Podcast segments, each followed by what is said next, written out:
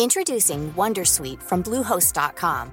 Website creation is hard, but now with Bluehost, you can answer a few simple questions about your business and get a unique WordPress website or store right away. From there, you can customize your design, colors, and content. And Bluehost automatically helps you get found in search engines like Google and Bing. From step-by-step guidance to suggested plugins, Bluehost makes WordPress wonderful for everyone. Go to bluehost.com/wondersuite. When people are happy with risk and embrace risk, then by definition, uh, prices go high.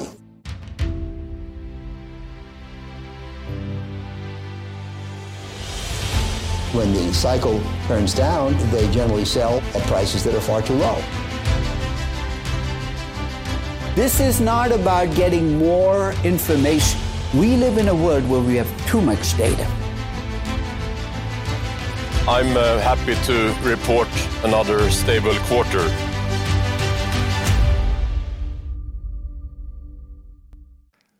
Hello and welcome to Aktiesnack. This is a podcast made in partnership with Kalkyl. And uh, as you might be noticing, we're speaking English today, and that's because we have the American investor Adam Wyden with us. He is the founder of the hedge fund ADW Capital, and he is also the largest shareholder of Nordic e-commerce company CDON, where he holds a stake of 28%. But first, a big thanks to our main sponsor, Pinpoint Estimates. On pinpointestimates.com, Swedish investors can see estimates from other investors before a company's report. By sharing your estimate on Pinpoint, you can compare your expectations with other investors and the Pinpoint consensus, the consensus of investor estimates. And the consensus is a good benchmark, especially for companies with no or low analyst coverage. You can start today by estimating on your favorite stocks, and next up is the report period for the fourth quarter. So, what do we say now, Magnus? We say a big thanks to our main sponsor, Pinpoint Estimates. Welcome to the podcast, Adam. Thank you for having me, guys, and uh, really excited to chat with you guys. Fire away whenever you're ready. Of course. This is actually our first conducted interview in English, so I would say uh, that's a huge privilege for you, or maybe a privilege for us. I don't know how to define it. But we can start off by um, talking about you, Adam. So tell us, who is Adam Wyden, both as a person and as an investor? It's a great question. I think hopefully each sort of person is is more or less the same. You know, I, I am a lifelong investor and problem solver. You know, I've been investing from a very very uh, young age. Uh, my great uncle was a day one investor in uh, Price Club, which you know ultimately became Costco, and then you know then subsequently invested in Qualcomm. You know his uh, and he he invested and backed many companies throughout the lifetime, and uh, you know his mantra was invest with people uh, that are very hardworking and smart and have more to lose than you do. And um, you know, we've we've been trying to uh, you know sort of apply that principle. You know, and I've been trying to apply that principle. You know, both through my investing life and and even my personal life. So you know, I've, I've been investing my whole life. Had many businesses growing up. I had a car detailing business. You know, I. Uh, had an early foray into marketplaces where I was building my own uh, remote control cars and buying them at hobby stores and reassembling them and and selling them on eBay at a at a at a markup, multiple multiple markups. I had a car detailing business, as I said, in high school. You know, where we uh, you know basically you know a few employees, and you know we detailed uh, luxury cars. And as a as a human being, I'm a, I'm a businessman and a problem solver. You know, as, as relates to sort of my background. You know, I went to Wharton. I worked at a worked at a hedge fund at, in college. Worked at sort of a merchant bank out of college. You know, I think in in graduate school really narrowed my focus to for, sort of find call sort of these smaller capitalization special situations similar to CDON where we're trying to find companies that are sort of in transition or transformation that are you know sort of not appreciated by the public markets and for whatever reason are sort of massively mispriced. And so you know i did that and you know that sort of journey sort of started about in 2006 you know after after college you know it's about 16 16, 16 plus years ago, you know, sort of continued to invest on my own account. Went to Columbia Business School, you know, the home of value investing, and uh, took a number of classes there. And you know, I think that that was sort of concurrent with the great financial crisis. And, you know, we found a number of small companies that, you know, sort of fit that mold. Um, you know, you call it, you know, this sort of some of the parts, special situation, orphan, you know, call it orphan security investing. You know, one of which was this company, IDT Corporation, that I'm sure many of your, you know, audience have, have followed. It's, you know, sort of a classic owner operator business. And, you know, they, it was a holding company with number of assets. And we, I put, you know, about half of my net worth in the company at $2 personally. And, you know, it made 15 times my money in 15 months. And so, you know, sort of had to, you know, search my soul a little bit, you know, after graduating Columbia Business School and really tried to want to figure out what I wanted to do with my life. And, you know, I, you know, was it going to Goldman Sachs or working at a big hedge fund, like, a, you know, like an equivalent of a CVN and doing sort of that, you know, sort of hamster wheel, so to speak? Or did I really want to sort of blaze my own trail, so to speak, and start my own business? So in 2011, ADW Capital was, was birthed and, uh, you know, we've been, we've been doing that now for, I'm in year 12. I think we're, you know, very excited about sort of the opportunities that the, mar- the market dislocation has, uh, you know presented in front of us for our strategy, and uh, you know excited to talk about CDON and everything else. Interesting, Adam. Uh, you mentioned special situations there, uh, so I guess one of your role models might be Greenblatt, right? Yes. Yeah. Yes, so, so please, please tell us a bit more about your role models and also your investment philosophy. Like, is it value focused growth or GARP or maybe, of course, uh, Greenblatt? But but is there anyone else? obviously, you know, Joel Greenblatt ha- was and has been a an enormous influence on me. You know, we read the books, you know, when I graduated college and, and school, and you know, obviously, my great uncle was was a big fan of Peter Lynch, and you know, told me to read One Up on Wall Street, and you know, some of these, you know, books, you know, that sort of. Uh, give you that McKinsey top down analysis, invest in what you know, go and talk to people, do surveys, you know, um, sort of, you know, very important of like understand the products, you know, sort of do a qualitative analysis. So, you know, Peter Lynch. So, uh, you know, what books besides uh, One Up on Wall Street? Beating the Street uh, is another book that Peter Lynch wrote. But yeah. you know the, the, the Peter Lynch books, the Joel Greenblatt books. You know, obviously Warren Buffett. You know, most people don't realize, but you know his his early career was you know sort of doing net nets and event driven. You know, even some activism, and then he sort of you know gravi- gravitated to sort of compounders at good prices and you know that's the hope right? That we sort of buy things in dislocation whether it's you know ferrari being spun off from fiat and buying it at five times ebitda and letting it compound. So you know you ask me value growth garp i mean hopefully all of it. We, we want to buy these things at at sort of value prices and then you know get the growth for free. And i would say that's sort of you know our analogy you know sort of like the where we want to live.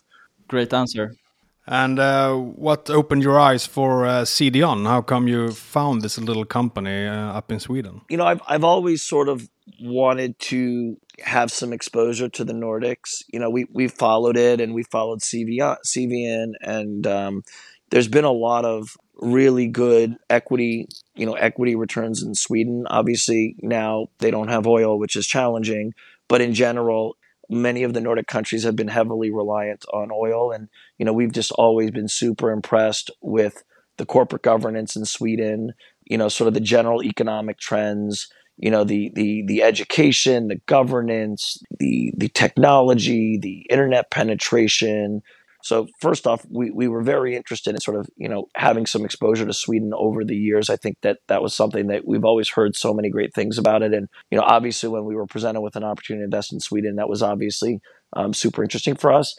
And then as it relates to CDON specifically, we had done a bunch of work on Sea Limited and, you know, obviously Mercado Libre and, um, you know, Etsy to a lesser degree.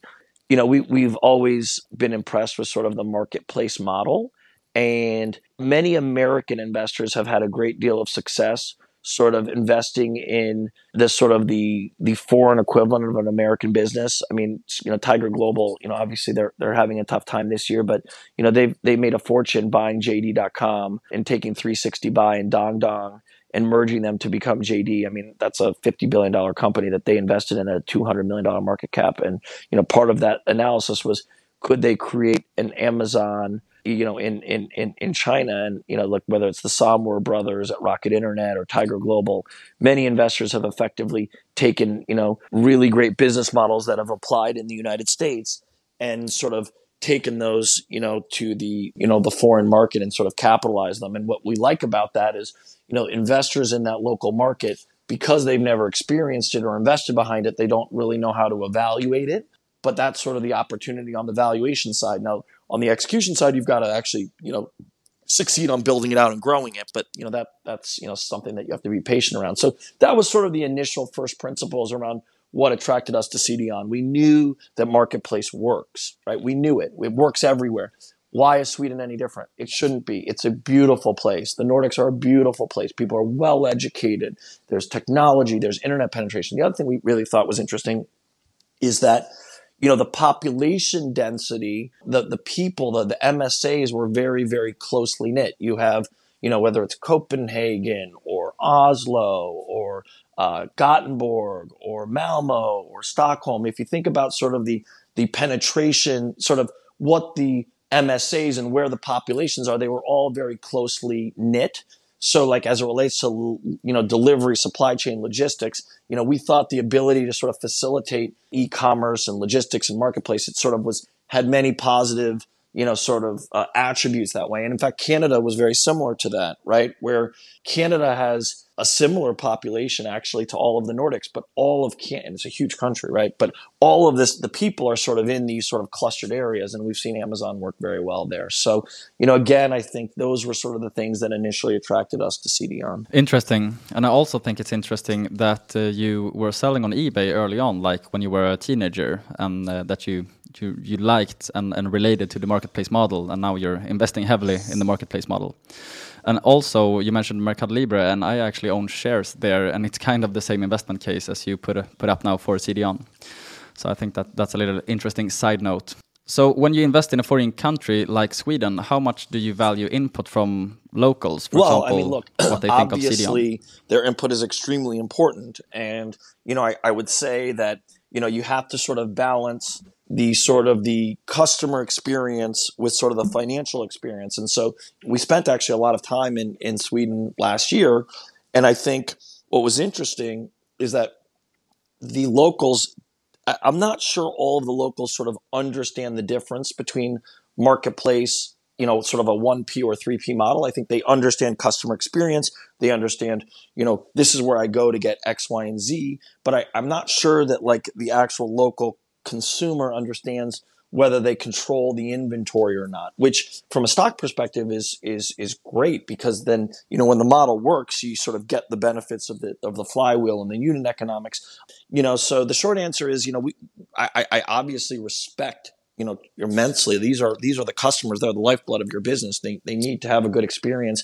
They need to be able to get the products. I think you know from an input perspective of like if they if, if someone says to me oh well cdon only has x you know, I could say, well, yes, if you're talking about a BHG or a boost, like it's unlikely that a BHG or a boost is going to be able to expand product categories as seamlessly as maybe a CDON is. Because if I go to CDON, I've got to convince the merchant to let me sell their products. If I'm doing, if, if it's BHG or Boost or, or, or Rug Vista or Clas Ohlson or whatever, those, those companies, they have to take the inventory and, and taking inventory is gambling, right? If I don't sell that inventory, I've got to go and give it away at a low gross margin. And, you know, you're seeing that to some degree with companies, you know, across the board here, right? If you came into 2022 with a lot of inventory, right, you're selling it, you're taking losses, right? You bought that inventory for, you know, a hundred million dollars.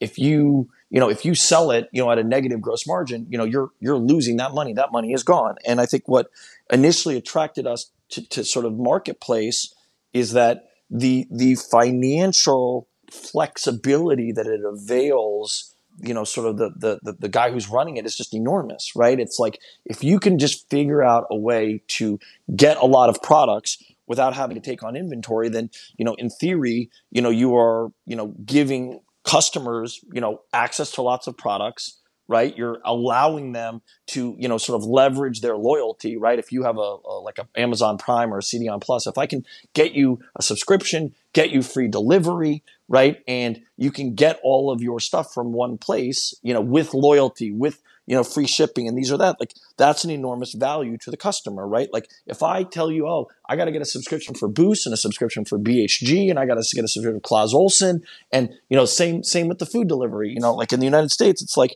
if I'm Uber Eats or DoorDash or whatever, I've got to get a subscription for each one of them to get the free delivery. But if, but if I can get if I can order food from all of this, if I can get the same food people from all one place, right? Because those food places, they're effectively marketplaces too, right? Like, you know, in, in Europe, it's, I guess they have Delivery Hero and uh, Just Eat, and I don't know what they have in Sweden, but I should know. But like, my point is, is that like, you know, if you can sort of centralize all of the merchants in one place, you know, you're adding value to that customer because they're building loyalty, they're getting points, they're getting free shipping. And so, you know, again, you know, obviously customer experience is very, very important. Like they need to like have a good experience and it needs to be, you know, seamless and good. But like I, I think it is not negotiable in my mind. Like it's like I, I refuse to believe that one stop shopping isn't a value to the end customer. Like I refuse to believe that someone in Sweden wants to download 12 apps on their phone and like go and pick products from each phone because you're going to have to buy a delivery subscription for each thing. And yes, I get it. The 1P is very well run in Sweden. I understand that. But the, the, the thing I'm trying to say here is that like categorically, a well run marketplace is superior to 1P. And you see that in Amazon. You see that across the world. It's not like running 1P you know, and running it to the extent that you want customer to make the customer experience that good, it, it's a it's a loss making business because at the end of the day, you're gambling. You're buying inventory and you're making a bet on what people want to buy, and you know, it's it, every every it's retail. It's it's it's strictly retail. It's not a marketplace. It's buying and selling goods and making bets on them. And I just think that's a that's a business where you have to get it right every single time, and not even Amazon can get it right with their one P business. So I think you know, to me, the the major challenge we have is you know getting customers continuing to increase the value proposition getting more getting more SKUs getting more merchants and letting uh, customers in Sweden and the Nordics know that like this model exists and it's to their benefit. And how do you view the competition from Amazon? To be honest, I think, you know, for better or for worse, I don't think the Nordics is a particularly good market for Amazon. It's not, I don't think it's big enough, right? We, we estimate the market at about 500 billion SEK, growing to about a trillion, you know, over the next, you know, call it four to five years. So, you know, again, on, on a US dollar basis, you know, not to sound sort of arrogant or glib or whatever you want to call it, like, you know, 50 billion to 100 billion market is not really that relevant to Amazon. I think that's reflected in sort of the product that they're delivering. You know, they're just translating the German site. But but even aside from that, as it relates to CDON, right? Like in most markets, usually the top two players, you know, are, you know, usually 60, 70%. So, you know, if Amazon takes 50% and CDON takes five, I'd be pretty happy. I mean, if, if in five years, you know, the market is a trillion sec and they have 5% of it, that's a 50 billion, uh, 50 billion GMV company. If it trades at, you know, two or three times GMV, that's, you know, 100 to 150 billion GMV.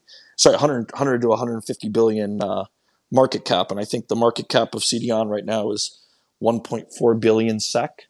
So, you know, again, I think the bar is pretty low as it relates to what the, the, the asymmetry of the business is. You know, obviously there are a bunch of other smaller marketplaces that are floating around. There's Fyndiq, there's another one I was reading around land something. Like there are a few marketplaces, but I mean, obviously, as you know, marketplace in Sweden has not really gotten a, a lift off, and uh, you know that that to me is sort of you know really interesting. Now, obviously, it's going to take.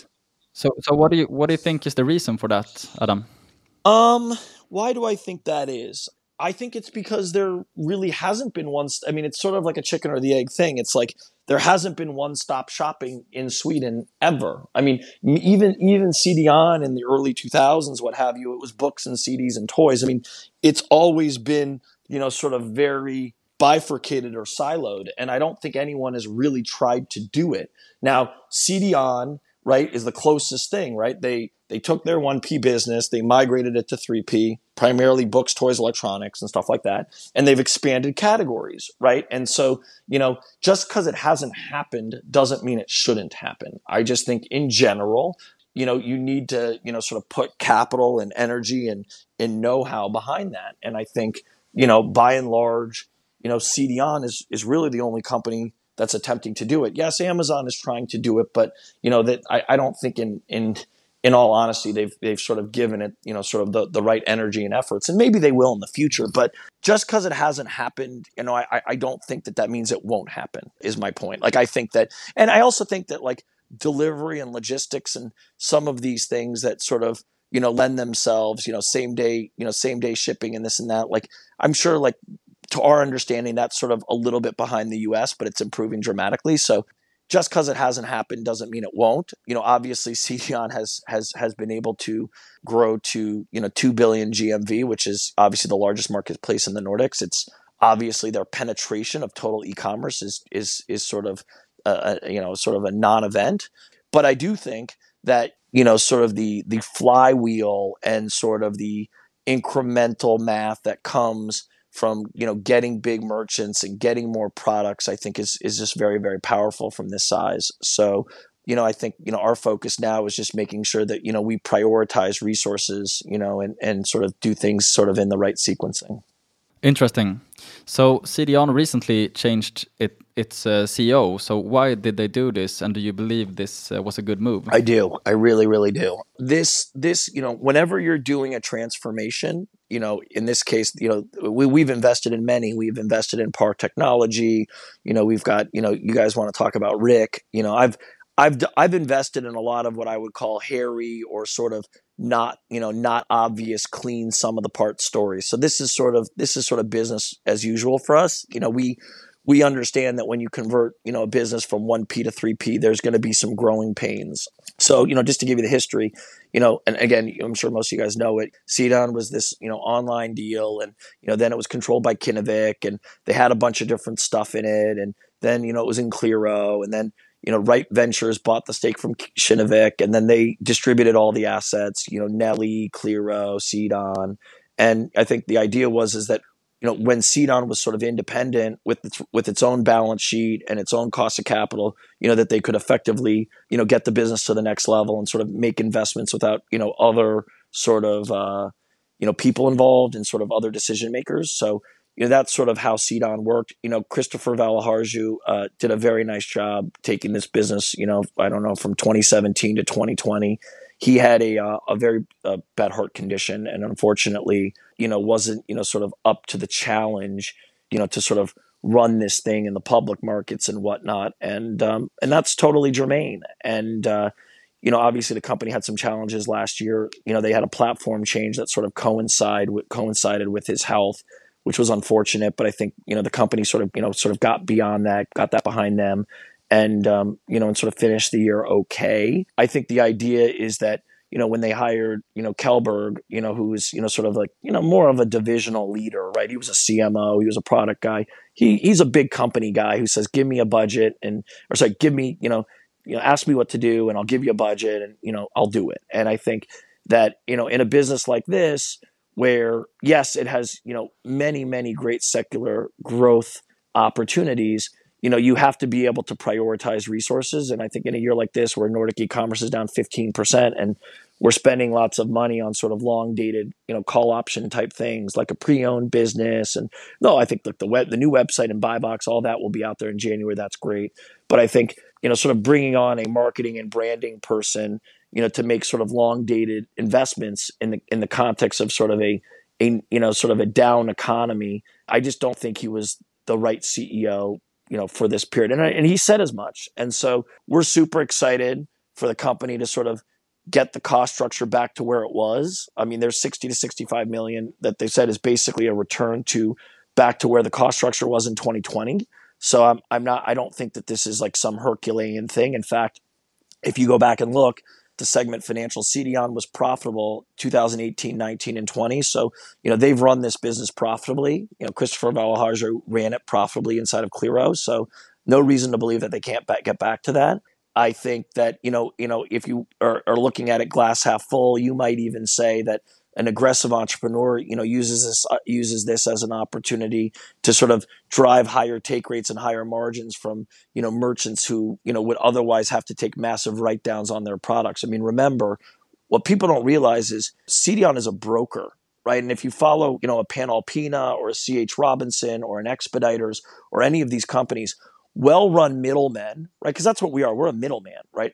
A well-run middleman, you know, makes higher margins when times are really good and when times are really bad. And so in an environment like this, when when a retailer can't sell their products, you know, necessarily, that's a good environment, right? That's an opportunity for a, a well-run e-commerce merchant, you know, marketplace to say, hey, you know what? Like I need a higher take rate you know, because we're doing less volume. And the, the the guy who's on the other side of it looks at it and says, well, okay, like I've got all this merchandise sitting on my shelves. If I don't sell it, I'm going to have to, you know, send it to the outlet or you know, light it on fire or what have you. And so in my mind, it's sort of like you know a, a really you know sort of well-oiled commercial machine can actually take advantage and, and grow margins, grow take rate, and you know enhance sales and marketing. But you need someone with that with that you know sort of muscle memory. It's not really the right environment for sort of a corporate person. And so while we appreciate Peter's efforts, we think he's done a lot of great things for the company in terms of you know merchant acquisition and whatnot. I think the ability to sort of be nimble and agile is sort of favors a sort of a, a, more leaner and entrepreneurial ecosystem. And I think that's where we're getting to. And, you know, I, look, we're the largest shareholder. You know, we have board representation. You know, Rite Ventures, you know, owns 25% of the company or what, what have you. And, you know, everybody is, is, you know, immensely, you know, aligned as it relates to, you know, sort of trying to maximize shareholder value. You know, there, there is no one in the, you know, no one, no one, you know, sort of sitting around the table doesn't have a, a hugely vested economic interest. And so, you know, I think that's, you know, that's sort of how we're looking at it. You know, we don't know what the economy will be next year. You know, the comps were very bad last year, you know, in 22 for the economy. You know, they might be bad next year. They might be flat, but I can tell you that, you know, we don't see anything in sort of this restructuring that would preclude the company from participating. In fact, the company won market share every quarter this year. And if you look at the most recent release tied to the restructuring, the company said that they continue to win market share year to date. So, you know, again, if the market is up five next year and we're up 10 and we're on a much leaner cost structure, I mean, the incremental margins are incredible. And I think that's the part that I think people really miss in all of this, which says that if you're 2 billion of GMV, and you grow G and the market grows 10 and you grow 20, well, that's 400 million of, of, of GMV. If your take rates go to 13% or 15% where they should go with advertising and, you know, better optimization, your marketing's three. I mean, that's, you know, 40 million of, that's like, you know, 40 million of EBIT, right? You know, that's, that's pretty powerful and you don't take any inventory risk. So, you know, in our minds, it's sort of like the incremental margins are very powerful. And if you look at Allegro, for example, Allegro in Poland had 60% margins before they sort of bought one piece. So, you know, we think that these things can have, you know 50 60 70% margins. I mean i know a lot of people look at hemnet and stuff like that and they're like oh well that's not the same. But i mean hemnet's a marketplace. They have 95% gross margins. They have 70% ebitda margins. That's what we have. We get 95% gross margins on net sales and at scale we would have you know 50 60 70% margins. So you know the, the key is is making sure that we protect that equity value that we protect you know invest you know long-term investors from any dilution. So that's sort of how we're looking at it, right? We we want to protect, you know, sort of the terminal value of the opportunity, and that's why we're restructuring the business, and you know, we'll continue to make investments in growth initiatives when the market comes back. Do you have any clue how long uh, CDON has come with their advertising business, like percentage of GMV, for instance? It's too small. It's it's a right. huge opportunity for the company. Yeah, it's way yeah. too small. Yeah. Yeah, yeah, no. I mean, most advertising is three percent of GMV three, four, five percent, and and we're very, very small. So, and that to me is a very easy thing to fix, right? That's you know, if it, you know, that's you know, sweat equity, and so you know, I, I think that that's one of the low hanging fruit things that we could do pretty easily. I agree that we need to focus on. So, if I were to summarize the like the big changes taking place at CDON right now, that would be the new tech platform changes in the management and also shifting focus from 1P to 3P, right? Well, we're already we're already at 90% 3P. 1P is only like that's what people don't realize. 1P is probably less than 10% of all total GMV. So you can see that in the gross margins, right? The gross margins last quarter were 53%, right? So that 10% is like mine is like a gross margin of 10, whereas the other 90 is like a gross margin of 95. So that's why it averages to 55. But that's sort of the point. Like you're going to see this thing in a couple years with like an 80% gross margin. But no one no one no one is doing the math. So that's what's exciting for us, right? Like we we see 1P getting smaller and 3P getting bigger And when people pull it up in their Capital IQ or FactSet or Bloomberg, and they see a business that has you know whatever you know net sale you know it'll it'll be almost entirely uh, you know 3p you know you'll see a business with a sort of a 95% gross margin. And um, you know and, and that that's a business that should be valued more like a software company than a retailer right? Because because 95% gross margin is valued as a multiple of gross profit not as a multiple of EBITDA. And you know that's sort of why we are sort of so surprised you know with CDON's trading valuations because it's like we look at this business and we're like, okay, it's trading at like four or five times gross profits, right? And in our minds, it's sort of like, you know, you know, break even software businesses in the United States, those things trade at five or six times revenue where in you know and that's you know that's in the you know post downturn and you know as a multiple of gross profit those things are like seven or eight times you know at least if not more and you know whether your gross margin is 70 or 80 so like in my mind it's sort of like you know even in a sort of a zero growth environment you know we think CDON is worth you know more than double where it's trading at right now. And you know then and then when you think about what it's and then you kind of take a, a step further and say hey hemnet trade now i get it hemnet makes money and we can talk about that. But at this scale the company making money or not is, is to me is sort of less relevant right? If CDON was not making money at a 20 billion GMV, then I would agree with you. But obviously, you know, you're more interested in understanding what the margins are at scale as opposed to, you know, margins at this scale, right? And, you know, at this scale, like I'm really more focused on the gross margin and the gross margin is there. So, you know, from our perspective, we sort of look at it and say to ourselves, okay, you got a 25 million US, you know, it's effectively 25 million US dollar gross profit business.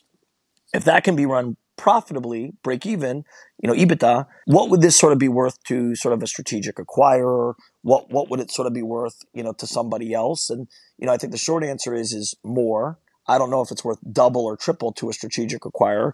But then the question is, okay, let's say we it stays public and it keeps going. Well, if they actually succeed at getting to 56, you know, getting to, you know, scale and profit and this and that, then this thing would trade at something like 30 times EBIT you know, which is like a, you know, 3% free cash flow yield. And, you know, 30 times EBIT is something like whatever, I don't know, 25, 26 times gross profit. So right now we're trading at four or five times gross profit. If this thing is successful, you can expect the multiple to go up five or six times, not including the growth. So to us, I mean, that's just sort of like, you know, we're, we're sort of sitting here scratching our head being like, well, you know, even just the optionality of being sold to a strategic is worth double or triple. And then if it works, right? You're talking, and you know they you know they grow revenues, you know they grow GMV. You know, even if the market grows 10% or 7% per annum, and this thing grows 15% per annum sales, it's going to get to 50, 60% margins pretty easily, and should trade it like 20 times gross profit. You know, to, to sort of because the gross profit is so high from a margin perspective that when you think about sort of where it is on EBIT, it's it's a very very high multiple. So you know that that to us is sort of like yes, I we understand like you know the company has not executed perfectly but you know in our mind it's sort of like you know in a base case you know if this thing sort of grows 10 or 15% the market grows 5 they're going to get to big margins multiple is going to expand dramatically and you know even even if you think that this company sort of muddles along and grows 2% and you know underperforms the market but they do it profitably you know we still think that the business is worth multiples more to a strategic just just on the fact that like we believe that marketplace makes sense and sort of whether whether it, it's getting done inside of a 1p you know and like i wouldn't put it past the fact that like a bhg or like a Clas Ohlson you know i know that um, one of the companies tried to do their own marketplace but they didn't really have the tech and the, the, the capabilities. But i mean you know if you could put it inside of a 1p player and you know leverage your sales and marketing expense i'm not so sure that someone else couldn't you know take this inside. Now i'm, I'm not you know saying that it couldn't be done on its own here but i'm just saying like the strategic value here is immense. Having 2 billion of gmv you know you know in, in marketplaces is valuable. And i think you know all of the stuff that goes into it the corporate g&a the marketing all of that stuff could be optimized inside of someone else's company if this was a subscale public company. So if you uh, would guess um, do you like see any or know any potential strategic buyers of CDON? Well, I mean, look, I think all of the all of the global players it's relevant for, right? If you're if you're Allegro, if you're Meli, if you're Bol.com, if you're JD, if you're Alibaba, if you're Sea, I mean, I look, again, you know, I don't know if anyone's buying anything at this exact moment. Maybe they are, but yes, I think all of the global marketplace players are valuable. And then I would just take a step back and say, any private any private equity firm, any you know that's more of a financial arrangement, but any any private equity firm, any one P player, any sort of like a Schibsted or you know even you know even could Kinnevik buy the whole thing? Could uh, could Prosus Naspers? I mean, I know they bought this company called Avito, which is a classifieds business.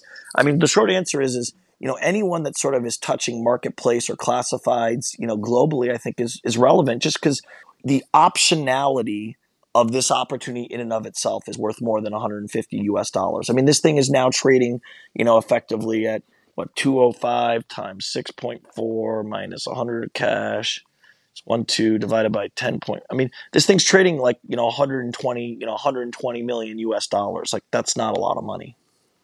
I actually think that uh, what you touched upon before, you know, what a rational buyer would pay for the business. I think that's actually Warren Buffett's definition of intrinsic value. You know, what a rational buyer would pay for the entire business. But right. you, you, touched upon uh, valuation here. So how do you usually conduct your valuation? Is like DCF, multiple based or, or relative valuation. So talk about how you usually value companies because now you talked about you know gross profit multiples and sales multiples and, and stuff like that. So give us something about how you usually value businesses and also how you value CDON. In the case of CDON, I think you know we we today sort of look at it on an EV to gross profit basis, and basically you know from our perspective you know, obviously, if the company is committing to being break even on EBITDA today, you know, it's not rat. You know, it doesn't really make sense for it to be valued on an EV to EBITDA basis. So, you know, we sort of value it on EV to gross profit because we don't think, you know, the sales multiple is necessarily relevant. We look at in, you know, gross profit really tells you what the incremental margins can be from here. And sort of like you know if you're if you're thinking about like sort of a software business a lot of them do you know ev to sales. But you know we think given that these things have 95 to 96% gross margins we actually think ev gross profit is probably more relevant than ev to sales. You know obviously as a going concern company you know that we would do, we would build a dcf and we would say okay gmv is 2 billion we think that the market in sweden is going to grow 10% say and let's say it's a complete you know train wreck and we only grow 15% GMV. We win a little bit of market share, but we just grow with the market. We would run out the we would run out the 15% uh, GMV growth. You know, we would figure out what that is in terms of net sales growth and gross profit growth. We would figure out what the incremental EBITDA margins are, and we would take it out to some year, whether it's year five or year seven, and uh, you know we would put some sort of terminal value uh, multiple of EBIT, whether it's 25 or 30 times, and then discount it back.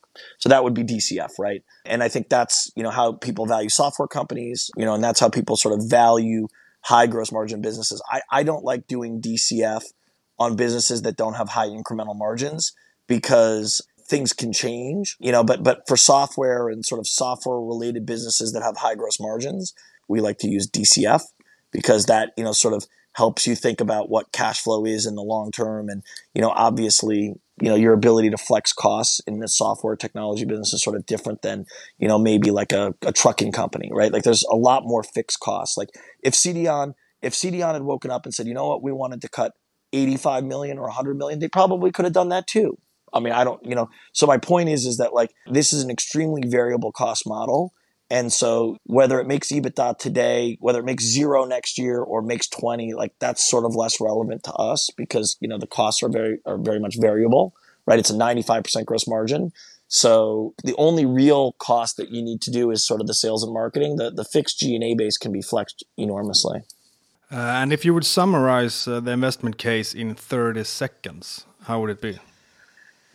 I think the the summary is this company is uh, a very very uh, a very very well known brand. You know, it has brand affinity. Yes, you know, is it you know is it you know is it the butt of some people's jokes? Sure. You know, we've we've gotten some surveys from folks, and a lot of people actually like it, and you know, even the younger people.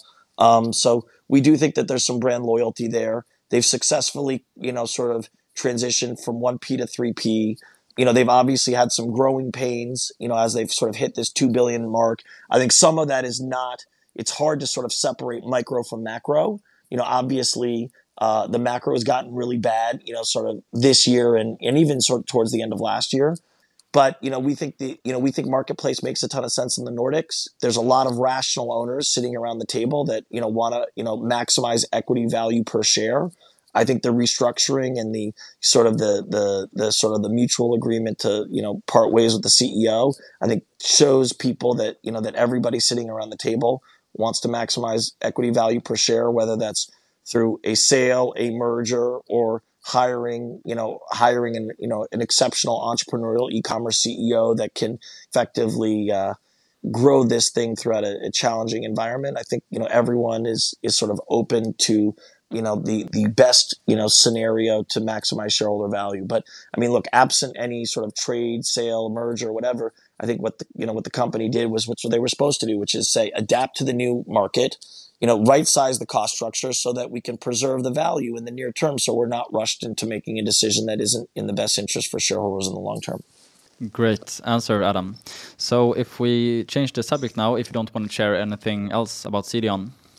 No, I, I, I think that's it. I mean, I, I think the short answer is, you know, we're, we're sort of scratching our heads, you know, asking why uh, you know asking why the, the, the asset is trading here. But uh, you know, look, you know, we invite you know anyone you know from the Nordics to to reach out. You know, our my my email is on the internet. It's Adam at ADW Capital. If anyone has any great ideas for us or you know wants to share some opinions. We're, we're obviously receptive in taking it. And you know obviously we want listeners and everyone else to understand that uh, you know we are highly motivated to maximize value per share and that the the restructuring efforts is you know sort of a testament to that. So the company will you know will be profitable next year.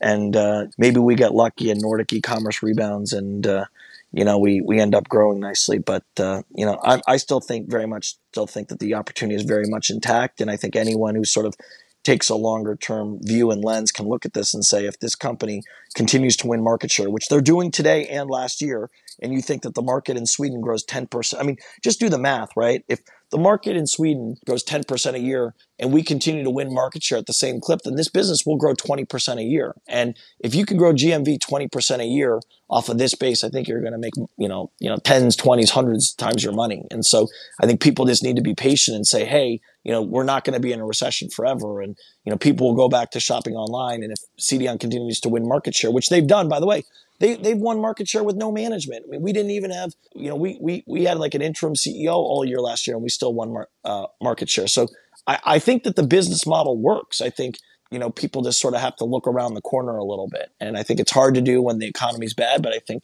if you look around the corner and you, you just sort of roll out to 23, if the market grows five and we grow 20, I think people are going to get really surprised at what the EBITDA and margins and everything look like. Yeah. So uh, tell us more about another investment of yours, Rick's. You know, Rick's is sort of the opposite of CDON. It's uh, it's a very sort of easy and sleepy business. We acquired it in the middle of COVID. It was, you know, very much traded, you know, trading for. Oh, it's it's similar to CDON in some ways in that you know everyone sort of thought, you know, that it was, you know, not going to make it and not survive and blah blah blah. And they've been running it for 20 years, and company was trading for less than real estate equity and you know, we, you know, everyone said, oh, they're never, no one's ever going to go to a gentleman's club again in the middle of COVID. The same way, no one's ever going to buy a basketball and CDON again, right? So, so, tell us, what does Rick's do? They operate um, bars and restaurants, you know, adult, uh, gentlemen, uh, gentlemen's clubs, uh, and then they also own, uh, and they also operate restaurants with uh, with female bartenders and whatnot, and um, called Bombshells. And uh, you know, the company's been around a long time. The CEO's been running it for a very long time and, um, you know, during COVID, you know, everyone was basically like, oh, no one's going to go to a bar again. No one's going to ever go to a gentleman's club again. And we said, well, that's not true. Like, you know, COVID, you know, COVID is very scary, but like ultimately, you know, healthy people are surviving. We saw what happened with Spanish flu. And, you know, just like CDON, right? We said, this COVID is not going to be around forever. It's not going to be 10 years. And we're going to get through it. We're going to get a vaccine. I mean, there were no, va- there were no vaccines for Spanish flu, right? And and we got through it in a year and a half with no modern medicine, right? This was 1917. So, you know, we basically bought it and said, this thing's not going bankrupt. They own their own real estate. And in a year and a half from now, people are going to look back and be like, why, you know, why was this trading here? And that's what we did. We bought 10% of the company. And it's very similar to CDON, right? Every, you know, Nordic e-commerce is a disaster. No one wants to, you know, everyone's going through bad energy prices. No one's going to do this, do that. And in a year and a half, energy prices are going to come down and people are going to go back to shopping online and the recession is going to be over and you're going to be buying something from CDON because it's a marketplace and they'll have more merchants. And that was the analysis we did on Rick's, right? We basically like people like this. COVID is a is a Six Sigma event, and this company is going to continue to do what they're doing, which is to continue to you know buy and and improve these gentlemen's clubs. Uh, just two days ago, they just bought a, a group of clubs that's going to do 15 of EBITDA. They just grew their business by 15% in a, in a snap of a finger. And uh, they own their real estate. They operate these clubs. They sell food. It's just an exceptional business. And, uh, you know, look, it, you know, obviously the company is held up. You know, it's very economically resilient. Uh, because they own their real estate, it's a it's an amazing inflation hedge. You know, rents don't go up, and so you know when they take up their prices on their alcohol and cover charge, you know it all flows through the margin. So it's a it's a very exciting business. We love it. And if I'm not mistaken, there's also like this interesting capital allocation history behind the management, right? So can mm -hmm. you mm-hmm. just tell us more about that? You know, the buybacking of shares and so on. Yeah, I mean, look, obviously, like anything, you know, it takes time for people to sort of figure out how to allocate capital. And you know, look, CDON again, you know, you got smart people around the table, so you know, you you know, when you have a flexible cost structure you know, what, you know, if you're operating a, a, truck and a crane company, it's very hard to sort of modify unit economics and margins. But, you know, I think the CEO of Rick's was sort of chasing revenue at all costs for a while. And I think recognized that, you know, because of his cost structure and sort of the unit economics, you know, if they could sort of focus on making sure that they, you know, grew, grew free cash flow per share and, you know, that they, you know, looked at the returns of what they were investing in, whether it was, you know, building a bombshells at an unlevered 30 or buying a, a, a gentleman's club at a 20, you know, an unlevered 25, you know, I think, you know, management, you know, was very, very focused on sort of growing revenues and, you know, growing the sort of the image. And I think about 10 years ago, a family office in, in Australia or New Zealand, you know, presented the book The Outsiders to the CEO. And he said, wow, this, this really makes sense. All I need to do is grow free cash flow per share. I need to, you know, allocate my capital. If there's good M&A to do at low multiples, we'll do that. And if there's not, we'll use our cash flow to buy back stock. And because I know that these assets are going to continue to grow. And it's just incredible how powerful capital allocation is and, and putting that framework in. And, and CDON is the same thing, right? Like we didn't want to waste money on long-term investments. If we can run the business on a lower cost structure and make, you know, make EBITDA and, you know, allocate resources to the things that are going to generate the highest return on invested capital, then that's what we should be doing. And I think sometimes it's not second nature to certain CEOs and you know, sometimes those CEOs need to go and that's what happened at CDON. But, you know, in the case of, you know, RCI, the CEO was an owner operator and he had many shares, right? He had eight, he has 800,000 shares. I mean, this guy's got $80 million.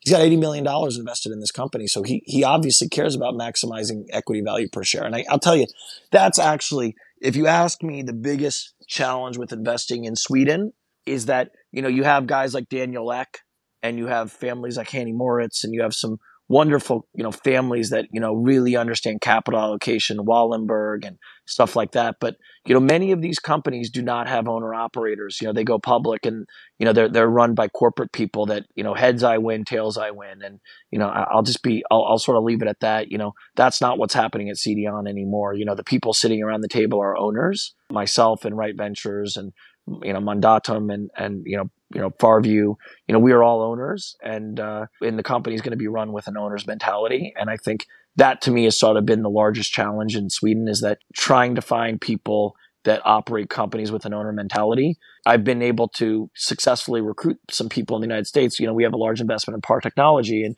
you know, we brought on Savneet Singh, and you know, obviously, you know, he has an, a, a you know, he's a, a, lifelong entrepreneur, but we put him into the company with an owner's, you know, sort of an owner's compensation structure where he only really makes money if the stock works and works big. And so, you know, convincing owner operators to do the right thing is a very is a much easier sales process, right? you know, and, and so I think, you know, walking into RCI and, you know, delivering this message of like your stock's going to explode if you, if you do these things is, it was an easy thing. And I think that was sort of a similar, you know, at, at Par Technology, you know, it was also, it was an owner operated company, but very poorly run. And, you know, we as shareholders came in there and said, look, if you hire this new guy and you cut these costs and blah blah blah blah blah, like you're going to maximize your per share value, and and that's you know we bought par at eight, it went to ninety. It's you know obviously down with the software index and whatnot now, but it's, it's really about aligning interests, and I think ultimately investing is finding great businesses that have flexible capital structures and flexible business models, but also making sure that the people that running them and people that are sitting around them are are aligned in terms of you know financial motivation. And I think that to me has I think been largely the most challenging part of CDON, which is that you know the owners uh, are very much aligned, but that that we have the people that are spearheading the the value creation are also economically aligned in the same capacity. And I can I can promise everyone listening on this call that you know anything that happens on CDON from here, whether it's management or or strategy, is all going to be geared towards maximizing per share value never ever underestimate the power of incentives, right? That's right. It's it's the most uh, important uh, thing. Yeah, I agree. I actually think skin in the game might be the most important KPI for an investor. It's certainly one that that we we fall close to, and you know, again, I think you know we're a little bit you know misunderstood in the Nordics, and I think we've we've wanted to get on the on the on the horn with some of you guys. And you know, Martin Hovner said all this stuff about ants, and I know people on Twitter are talking about ants. I mean, I want to set the record straight on this ant thing. It was more a conversation around retail.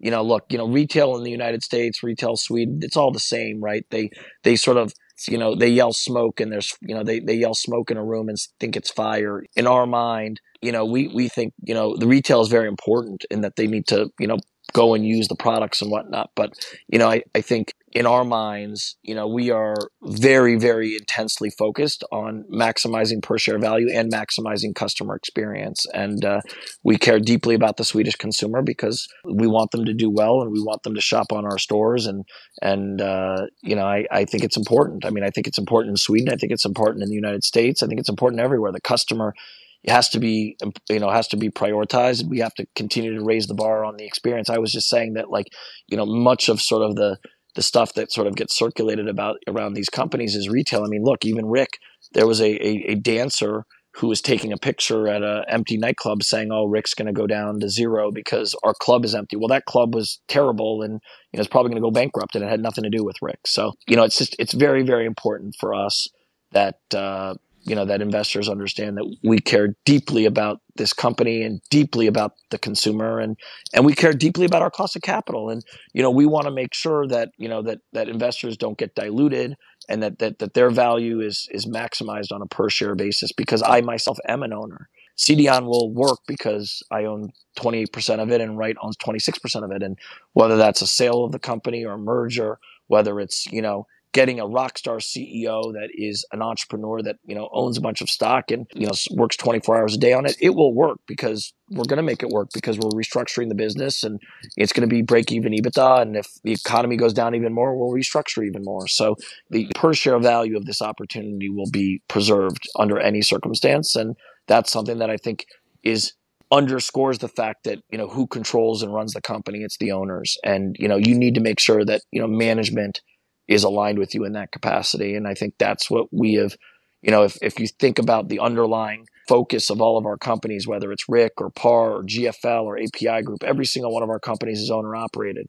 Now, CDON is the only one that has not historically been owner operated. You know, it's been owner controlled, but not owner operated. And I can promise you that, you know, that to me was sort of the mistake in CDON and, and with Peter Kjellberg, which is, you know, he's a, he's a corporate gun and, you know, he had a hundred thousand dollars into this thing and he doesn't care. You know, if you want my honest opinion, I think he wanted to become a public company CEO because no one ever would have hired him as a public company CEO. And he was a CMO, you know, he was a CMO, he's a marketing sales guy, and he he saw an opportunity to become the CEO of a company, and he probably could have been the CEO of Thule or Dometic. And you know, I think uh, the next CEO of this company is going to be highly numerate, highly focused on return on invested capital, and I can promise you that he will have a copy of The Outsiders in his uh, in his mailbox the minute he gets hi hired.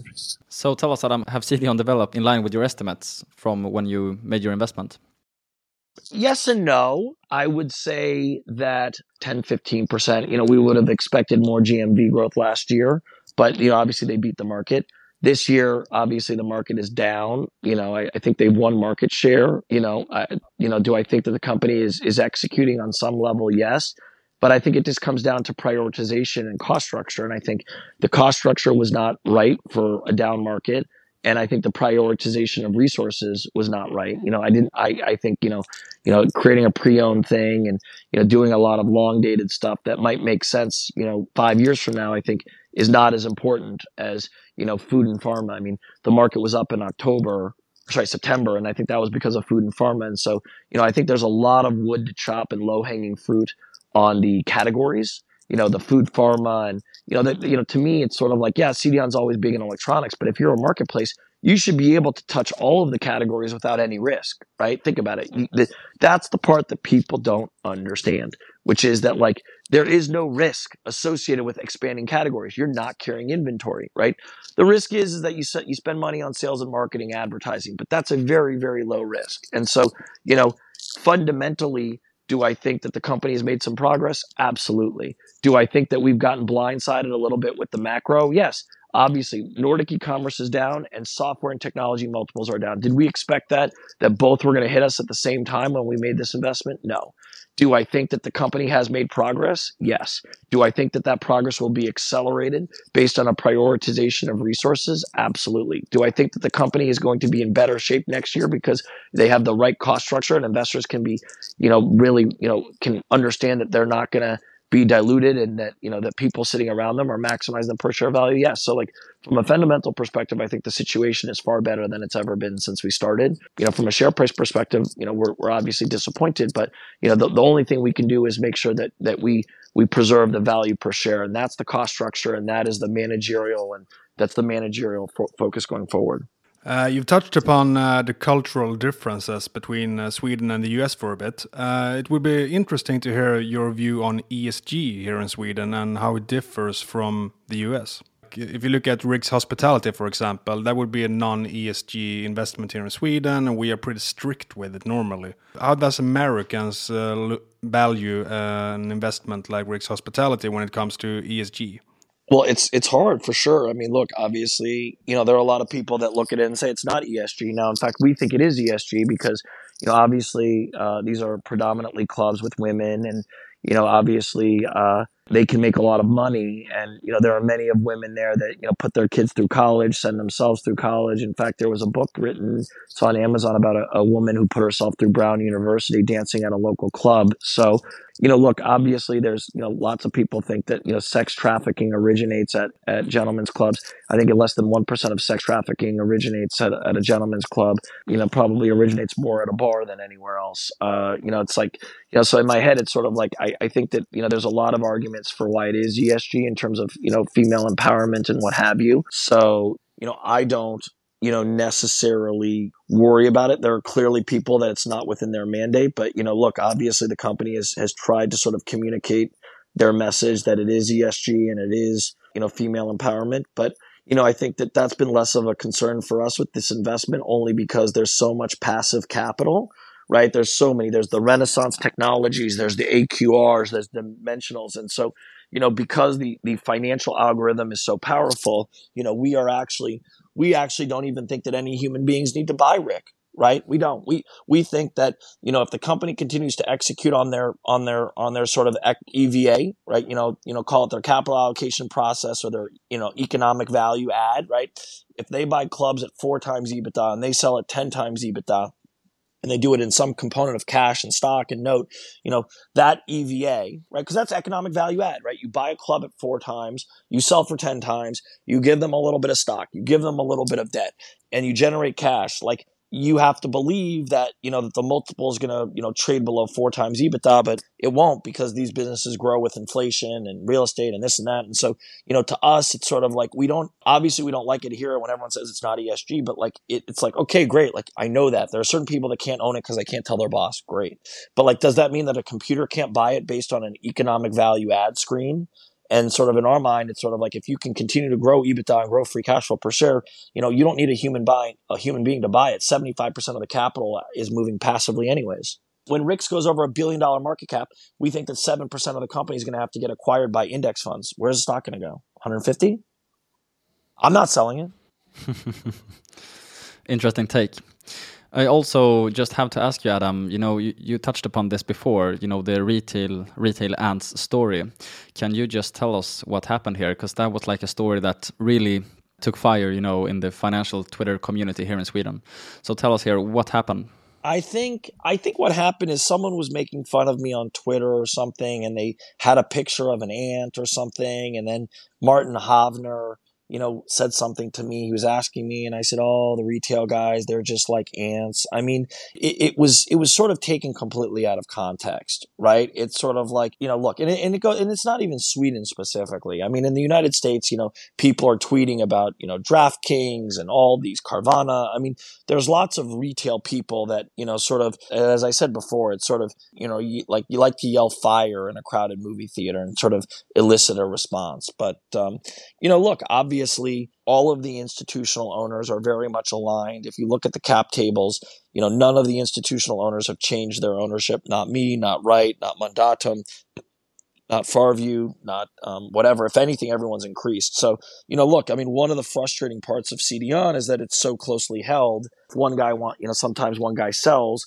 you know, is that really instructive of, of sort of the, the value prop? So, you know, our hope is, is that, you know, at, at these types of valuations, you know, whoever is sort of interested in sort of selling a hundred thousand shares, that eventually abates and, uh, you know, so, you know, new people are able to sort of see that the opportunity is, you know, immensely dislocated relative to sort of the strategic value and sort of, you know, DCF value of the company. But, you know, look, the, the ant thing was, was not meant in a pejorative way. It was just, you know, some guy poking me in the eye and I, I, just made a comment. I said, Oh, you know, these retail guys, they're just like ants. They, you know, they want to yell smoke in a crowded movie theater. But to be perfectly honest, it has nothing to do with, you know, my, you know, my feelings towards Swedish investors or Swedish people. I, I love going to Sweden. I think the food's great. I think, I think it's got a lot of enviable characteristics. You know, if, you know, if some guy who is sitting in his boxer shorts, you know, on an interactive brokers terminal shorting 400 shares, you know, likes to tweet at me and say, "Oh, blah blah blah." Like, there's nothing I can do about that. But, but I, I deep, I have a deep appreciation for the economy and the culture and this business, and you know, we are very, very focused on, you know, making it a, a, a world beating marketplace. So those retail guys that are making fun of me can buy great products on the internet, and uh, and they can uh, and have a great consumer experience. Sounds like a beautiful ending. Uh, so I think that was uh, all from us. And uh, we want to give a big thank you to you, Adam, for taking the time and uh, giving us uh, lots of insights today. All right, very good. Thank Thanks, you. Adam. Thank you for the time. Thank you. And uh, to all the listeners, we'll uh, talk to you again next week. Bye bye. Thank you for listening. And uh, before we end, we would like to remind you that all the Swedish listed companies, including CDON, are available on Pinpoint. Don't forget to submit your own estimates to see the estimates for CDON, for example. You will find the link to Pinpoint in the description. A big thanks to our main sponsor, Pinpoint Estimates.